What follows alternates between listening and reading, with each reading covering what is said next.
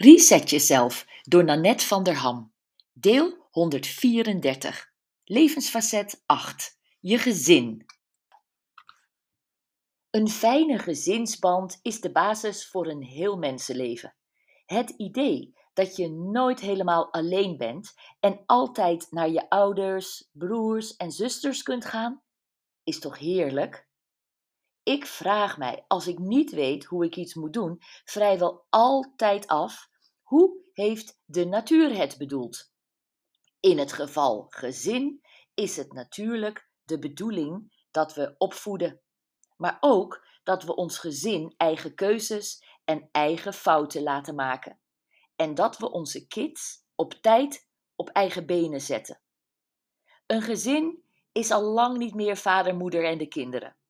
Patchworkgezinnen of samengestelde gezinnen brengen hun eigen aardigheden en onaardigheden mee. Als je nu aandacht aan je gezin besteedt, pluk je daar vast met elkaar jullie hele leven de vruchten van, in de vorm van liefde, verzorging, aandacht en plezier. Hier komt jouw resetter nummer 14. Laat in het weekend je hele gezin samen het huishouden doen. Vraag wie wat wil doen, verdeel de taken en go. Ondertussen maakt iemand de lunch of het avondeten klaar en zit jij voldaan en blij met elkaar aan tafel.